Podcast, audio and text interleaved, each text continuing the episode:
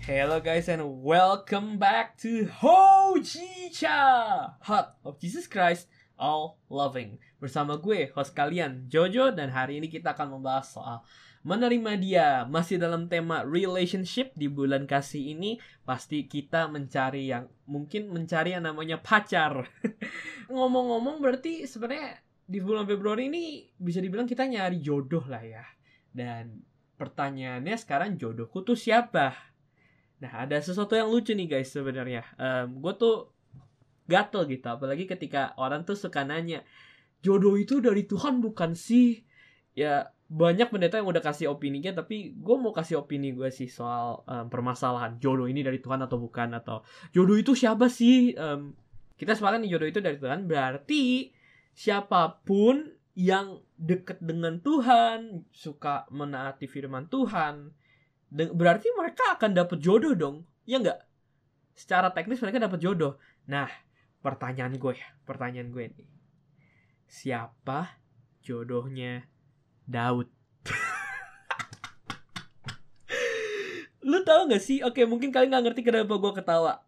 Daud itu punya seribu bukan seribu sorry. Banyak pokoknya ratusan hampir ratusan katanya. Ratusan istri. Punya selir juga. Jadi pertanyaan siapa jodohnya? Kan kalau kita tahu jodoh mungkin the only one you know kayak lagunya um, Caleb ya rasa ya ya pokoknya itu. Gue nggak mau kena copyright. Kalau gue nyanyi gue kena copyright.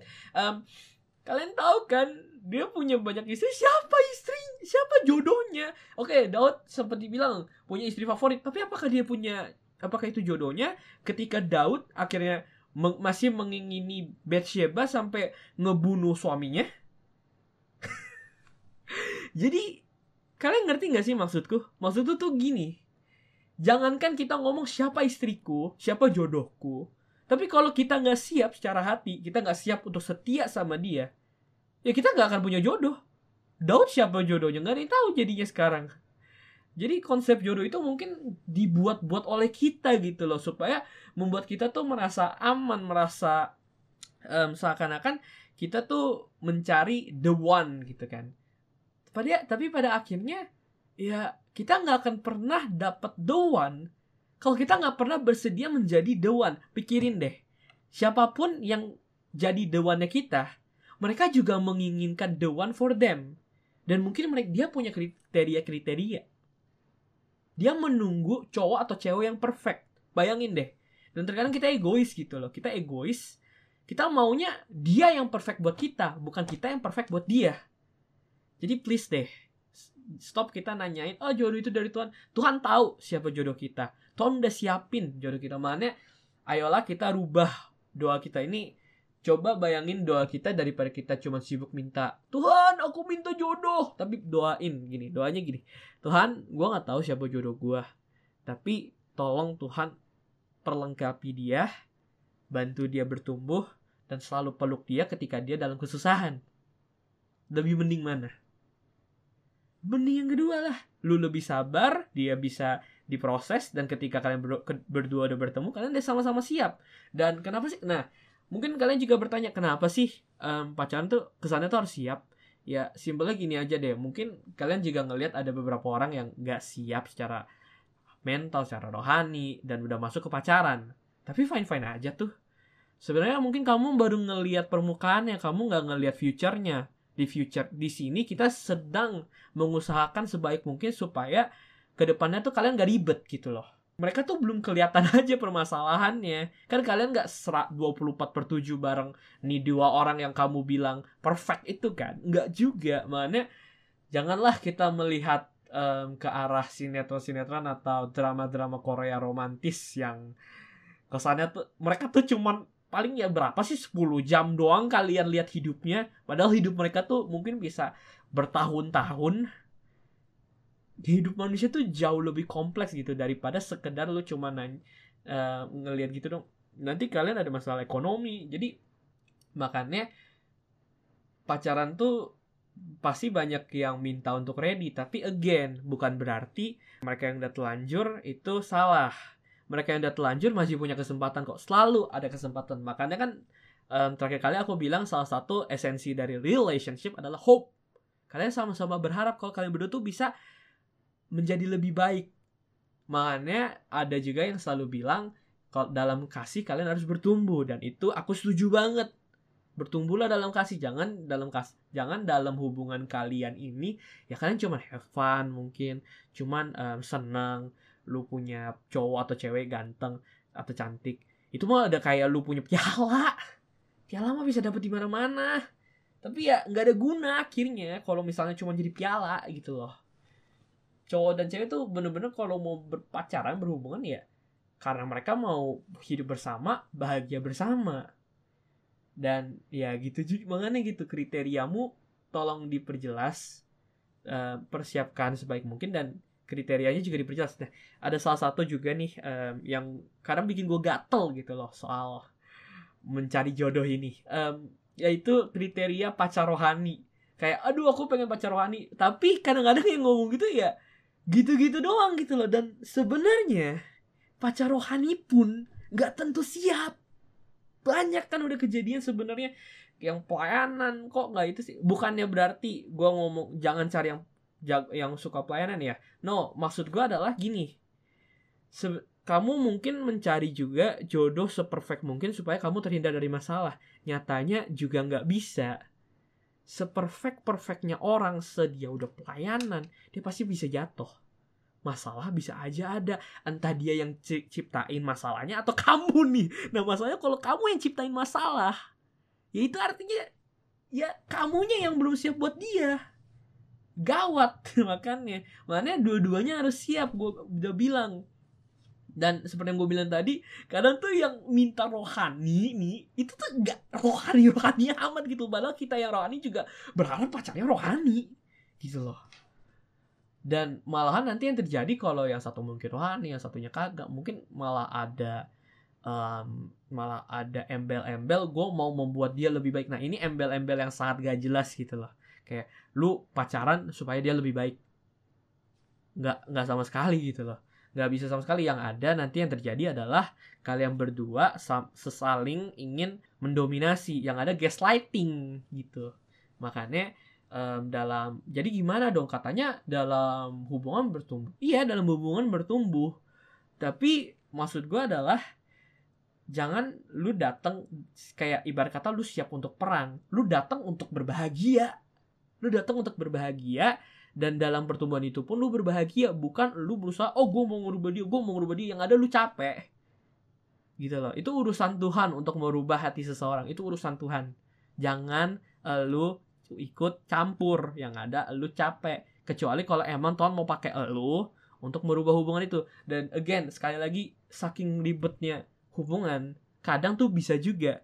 Misalnya um, lu pacaran dengan seorang eh dianya malah jadi lebih baik bisa aja tapi yang gue takutin adalah itu menciptakan ketergantungan again gaslighting jadi ya PDKT itu sangat penting guys. PDKT pakailah untuk kenal background, kenal masa lalu. Banyak yang udah bilang pendeta. Tapi yang lebih penting adalah sebenarnya lu berteman aja gitu loh. Lu temenan dulu sama dia. Kenal seluk beluknya dia mana. PDKT juga nggak usah diburu-buruin lah. PDKT ya jangan satu bulan doang. Kalau bisa setengah tahun lah. Gue jujur ya agak dilema dengan PDKT ini karena kalau gue pernah bilang gue pengen PDKT 2 tahun. Kayak temen-temen gue langsung bilang lu PDKT 2 tahun kasihan amat pacar lu lu gantung. Ya gini sih nggak tahu ya. Dua tahun memang kayaknya kelamaan sih ya gue juga salah. Paling satu tahun lah setidaknya kalian udah temenan sering chat sering ngobrol. Bahkan kalau bisa curhat. Kalau udah curhat itu udah enak banget gitu udah bisa saling curhat. Karena bisa saling terbuka tapi ingat kadang bahkan saling curhat pun kalau satu sisi kebanyakan nasehatin ya mendominasi hati-hati makanya. Selalu ingat untuk cross check hati. Cross check hati. Hati ini ingin mendominasi atau gimana sih? Jadinya di PDKT itu pastikan yang pertama tadi kenal background, yang kedua karena kamu harus tahu dia punya masa lalu nggak. Dan mungkin aja dia barusan mengalami ke, mungkin putus, mungkin keluarganya nggak benar gitu kan. Pakailah waktu PDKT ini untuk healing. Jadi kamu datang sebagai teman aja. Jadi, nah enaknya nih kalau kamu cuma datang sebagai teman, ketika PDKT ya simple dan apalagi healing ada di PDKT kamu tuh jadinya walaupun nanti hubungan kalian berdua nggak terjadi kamu udah menjadi dampak makanya biarkanlah roh, roh kudus yang menuntun kalian. Waduh gue udah kedengeran kayak pendeta. Tapi memang bener gitu loh. Biarkan Tuhan yang nuntun kalian. Karena dalam hidup gue pun gue kenal banyak cewek tapi nggak semuanya tuh gue tembak. Ya iyalah gue aja gak pernah nembak cewek. Gue juga pernah nembak cewek. Ya ampun. Tapi ya gitu nggak semuanya pun juga gue punya rasa. Nah rasa. Seringkali kita didominasi rasa sering kali kita jadi budak rasa. Apa-apa bergerak karena rasa. Nanti begitu rasanya nggak ada putus. Dan itu bodoh. Gue udah sering kali terjebak dengan rasa dan aku bisa garanti jangan. Rasa itu ada sebagai alarm kalian untuk ngingetin eh ada yang salah nih di hati kamu. Kamu merasa kamu kurang affection. Maka carilah affection itu dari Tuhan dari orang lain jujur susah. Mendingan dari Tuhan yang udah pasti-pasti aja. Dan Tuhan juga udah janji gitu bahwa dia ngasih pelukan terhangat. Dan itulah makanya gue bisa confident yaitu gue punya Tuhan yang peluk gue dengan hangat. Jadi rasa itu dipakai untuk cari tahu aja kalau ada yang salah. Bahkan enaknya ketika mungkin kalian ngerasa dengki ngerasa insecure atau dendam dengan seseorang tiap kali ketemu dia rasanya pengen ditimpuk gitu loh dan ini gue ngomongin soal pertemanan ya. Mungkin aja ketika kalian udah ngecek hati kalian akhirnya kalian ketika ngelihat dia tuh udah nggak usah ngerasain enak-enak itu lagi. Jadi kan enak. Bukankah lebih enak? Emangnya lu mau ngerasain enak mulu tiap kali ketemu dia? Gue sih nggak mau ya. Maaf nggak enak banget. Pada akhirnya nanti kalian belajar untuk menerima dia yang nyebelin. Kita dari tadi udah ngomongin soal penerimaan penerimaan gue harus menerima dia. Jadi ya um, dan gue juga udah ngomongin kriteria kriteria bla bla bla bla bla bla. Sebenarnya jujur kadang kriteria juga nggak ketemu. Kadang kalian akan ketemu orang-orang yang mungkin nggak sesuai ekspektasi mungkin dia nggak ganteng tapi di situlah kalian harus belajar untuk menerima. Mungkin sikapnya ada yang nggak benar makanya sekali lagi di PDKT nih di PDKT kalau bisa kalian udah mulai bertumbuh mungkin dia nyebelin mungkin dia punya sifat-sifat yang lo nggak suka mungkin dia masih suka egois gitu. Di situlah kalian harus belajar menerima kasih kepercayaan. Apalagi untuk kalian yang mungkin udah merasa terlanjur udah pacaran sama orang yang bangsat banget itu rasanya. Ya possibility-nya adalah kalian putus atau nggak lanjut. Tapi sebisa mungkin sebelum kalian pilih untuk putus kasihlah kesempatan mungkin aja di kesempatan itu dengan lu kasih dia kepercayaan lu bisa dia bisa berubah ingat penerimaan tuh bisa membantu seseorang untuk ber, berubah loh. Makanya kamu juga harus belajar untuk mempercayai dia. Kalau misalnya dalam satu bulan itu dia masih ngelakuin hal yang sama dan kayaknya tuh gak ada tanda-tanda perubahan. Gak apa-apa banget kalian untuk berpisah. Gak apa-apa banget. Beneran deh. Karena perpisahan bisa jadi awal dari pertumbuhan kalian. Mungkin memang dia itu um, ada untuk orang lain, bukan untuk kamu. Dan ingat, gini, ingat, jodoh, nih aku kasih tahu ya, jodoh.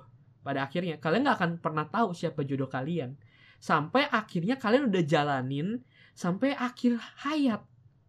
Jujur deh, karena di tengah pernikahan pun kalian bisa cerai. Kalian bisa cerai di tengah pernikahan, makanya hanya bisa dibuktiin ketika udah di akhir hayat. Kalau dia emang jodoh kamu. Jadi ya gak apa-apa banget gitu loh. Untuk kalian misalnya putus di tengah jalan di ketika kalian masih pacaran. Dan jujur aja kalau misalnya kalian lihat dia berubah ketika kalian udah berpisah ya sebaiknya sih jangan balikan lagi ya. Karena uh, mungkin takutnya kalau balikan malah dia balik toksik lagi. Dan um, mendingan memang udah lu jauhin aja gitu loh. Mungkin aja dengan lu ketemu dia dia keinget dengan dosa-dosa masa lalu. Dan akhirnya kalian malah hubungannya penuh dengan rasa bersalah dan rasa insecure. Maka dari itu nggak apa-apa banget kok. Dan gini gini gini gini. Jangankan sama pacar sama temen pun juga sama. Kalau misalnya kalian insecure sama dia takutan sama dia mungkin karena dulu udah punya dosa. Apalagi ini ini juga berlaku untuk mereka yang mungkin lu mungkin suka dibully nggak apa-apa gitu kalau lu mau jauh dia jauhin dia. Mungkin dia udah toxic sama lu mungkin dia udah um, sering nggak ngedukung lu ya nggak apa-apa kalau lu mau jauhin gitu loh. Mungkin lu bisa kasih kesempatan. Nah nah um, sebelum lu jauhin sebelum dan sebelum lu mulai waktu satu bulan ini satu bulan percobaan hal yang paling penting yang lu harus lakukan adalah lu harus kasih tahu dia dulu kalau mungkin lu merasa nggak enak lu merasa terganggu dengan hal apa hal apa hal apa lu kasih tahu dulu karena kalau lu nggak kasih tahu ya dia mau berubah gimana? Dia jangan tahu salahnya dia apa. Ngomongin dulu kasih waktu satu bulan maybe or two atau mungkin dua minggu juga nggak apa-apa. Dia nggak berubah ya udah nggak apa-apa putus saja dan juga pertemanan pun gitu. Kalau misalnya ya lu lihat nggak ada perubahan daripada lu yang ancur mendingan lu yang pergi. Dan ingat mungkin aja embel-embel lu datang untuk menjadi perubahan. Nggak nggak tentu berlaku untuk setiap pertemanan. Nggak tentu berlaku. Jangan sampai tiba-tiba lu di per, di pergaulan yang toksik hubungan yang toksik akhirnya lu yang ikutan toksik. Toksik itu apa sih? Ngomong-ngomong kita udah sering dikasih tahu juga ya jangan terlalu sering nge-label sesuatu toksik. Toksik itu ya simpelnya gini aja. Satu kalau dia misalnya sering nggak support lu. Dua kalau dia sering membuat value lu tuh turun bukannya naik malah turun. Yang ketiga ya sifat dominasi masih ada. Dan juga kalau misalnya dia itu mungkin ngebawa lu ke arah-arah yang nggak bener kayak narkoba atau ngerokok sih jujur sih ya um, again sebenarnya narkoba itu ya again dia cuma ngebawa lu masuk penjara. Karena kan narkoba di Indonesia nggak boleh. Tapi kalau ngerokok ya sebenarnya silakan silakan aja sih ya kalau lo mau ngerokok tapi kalau misalnya kena kanker paru-paru jangan salahin gue ya. Nggak usah ngomong Jojo bilang boleh. Nggak gini masalahnya lu kanker boy. Lo kanker paru-paru tahu nggak nih? Paru-paru lu hitam sesak nafas covid aja udah nggak enak. Dan mungkin ada juga yang mau ngomong kayak kak beda agama boleh nggak? Um, boleh nggak pacaran? Ya beda agama gini sih banyak yang udah ngomong soal sisi Alkitab, sisi mungkin dari kitab-kitab lain, tapi gue mau ngomongin soal kita ngomong secara kehidupan nyata deh. Kamu yakin mau nanti kalian ibadah, mungkin kalian gak akan bisa ibadah bareng. Itu pun ribet. Yang kasihan itu anak lu juga, karena um, anak lu tuh nanti jadi bingung dia harus ke mana sih. Oke, dia misalnya ngikutin si bapak, lah nanti begitu ngumpul sama keluarga emaknya, tiba-tiba mungkin mereka mau ibadah, ribet. Karena dia nggak terbiasa dan ke sana tuh malah jadi kayak dia tuh doa kepada Tuhan lain. Nanti malah uh, bagian agama ya, uh, sisi agama si bapaknya ini malah ngehakimin dia. Kan gak enak banget gitu loh kalau anak lu sampai dihakimin kayak gitu. Padahal sebenarnya nggak ada yang bermaksud. Jadi ngerti ya kenapa nggak boleh pacaran beda agama? Intinya gini sih teman-teman. Kalau kalian uh, mau pacaran kalian mau punya hubungan yang baik relationship yang baik saran dari gua satu doang. Kenalilah kasih yang sejati kasih yang gak terpengaruh dengan nafsu. Karena jujur aja mengenali kasih yang sejati merubah gua. Bener-bener belajar yang namanya tuh kasih tuh nggak ada dominasi nggak ada nggak ada rasa kayak gaslighting atau rasa-rasa itu. Jadi juga ngerti juga gitu pergaulan apa sih yang kamu butuhin. Dan inget juga kamu tuh sering-sering lah cross check cross check diri sendiri. Sering-sering ngelihat gue nih salahnya di mana sih. Jangan jadi budak rasa. Inget rasa itu ada untuk jadi alarm kamu. Untuk ngasih tahu kalau ada yang salah di dalam diri kamu dan kamu harus cari tahu sendiri. Dan ingat sebenarnya kamu nggak nyari tahu sendiri. Tuhan yang bakal bantu. Dalam jalannya hidup gue sering kali Tuhan yang ngebantuin gue uh, dalam nyari-nyari apa yang salah dalam hidup gue tapi yang pasti lu harus ingat um, lu nggak harus nerima dia ya. Tapi kasih yang akan membantu lu nerima dia sebenarnya. Kasihlah yang akan membuat lu menerima dia yang mungkin nggak sesuai sama kriteria lu yang membantu lu supaya mempercayai dia sehingga dia bisa berubah intinya gitu. Thank again thank you banget teman-teman udah dengerin podcast hari ini. Semoga memberkati kalian dan terus bersuka cita. And God bless